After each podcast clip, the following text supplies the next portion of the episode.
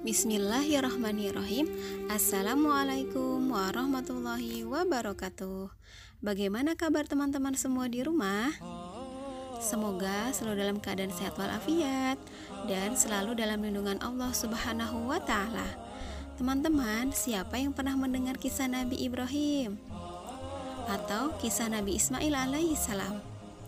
Nah, hari ini Bus akan bercerita tentang kisah Nabi Ibrahim dan kisah Nabi Ismail alaihi salam. Disimak ya ceritanya teman-teman.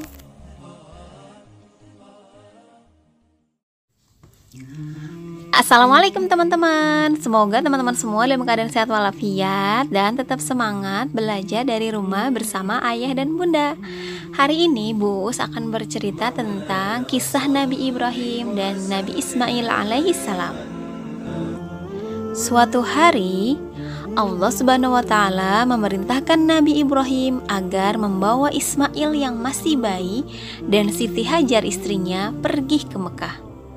Sebuah kota yang masih sepi. Saat itu sumber air pun masih jarang mereka temui.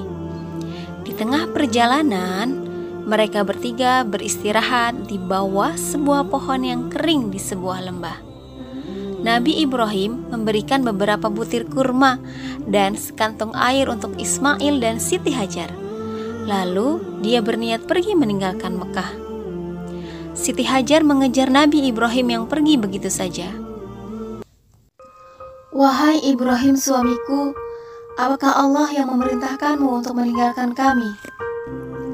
Nabi Ibrahim mengiyakan pertanyaan istrinya. Benar istriku, tinggallah di sini dan berdoalah. Hanya Allah Subhanahu wa taala yang akan menolong kalian.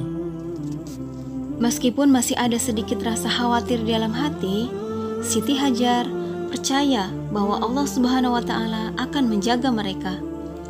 Jauh di dalam hati, Nabi Ibrahim merasa sedih. Sungguh berat meninggalkan mereka yang sangat dikasihinya. Bagaimana jika mereka merasa lapar dan dahaga?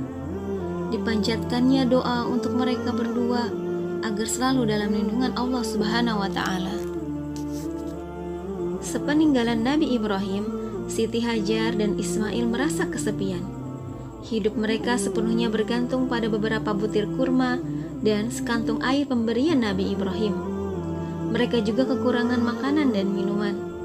Lama-kelamaan, Ismail pun menangis karena kehausan. Betapa cemas dan paniknya sang ibunda, Siti Hajar berlari dari Bukit Sofa ke Marwah, melihat jika ada orang yang melintas di depan sana. Namun, tak satu pun yang terlihat sejauh pandangan mata. Siti Hajar kembali berlari menuruni bukit dan menaiki Bukit Marwah di seberangnya. Lagi-lagi, tak ada seorang pun yang ada di sana. Begitu seterusnya hingga tujuh kali. Tak ada orang yang dapat dimintai pertolongan. Siti Hajar hampir saja putus asa. Hingga tiba-tiba terdengar sebuah suara. Ternyata suara malaikat Jibril yang sedang berdiri di sebelah Ismail yang menangis sambil mengentakkan kakinya. Malaikat Jibril menunjukkan bahwa di tempat Ismail mengentakkan kaki terdapat sebuah sumber air. Siti Hajar segera menggali tanah dan air pun mengalir dengan derasnya. Ismail pun selamat dari dahaga. Hingga kini, keajaiban air zam-zam terus terjadi. Sumber air itu adalah air zam-zam yang tak pernah berhenti mengalir meski sudah diambil oleh banyak orang. Masya Allah, kita tetap harus bersyukur dan berserah diri kepada Allah meskipun dalam keadaan sulit. Insya Allah, Allah yang akan menolong kita. Terima kasih teman-teman sudah mendengarkan cerita Nabi Ibrahim dan Nabi Ismail alaihissalam.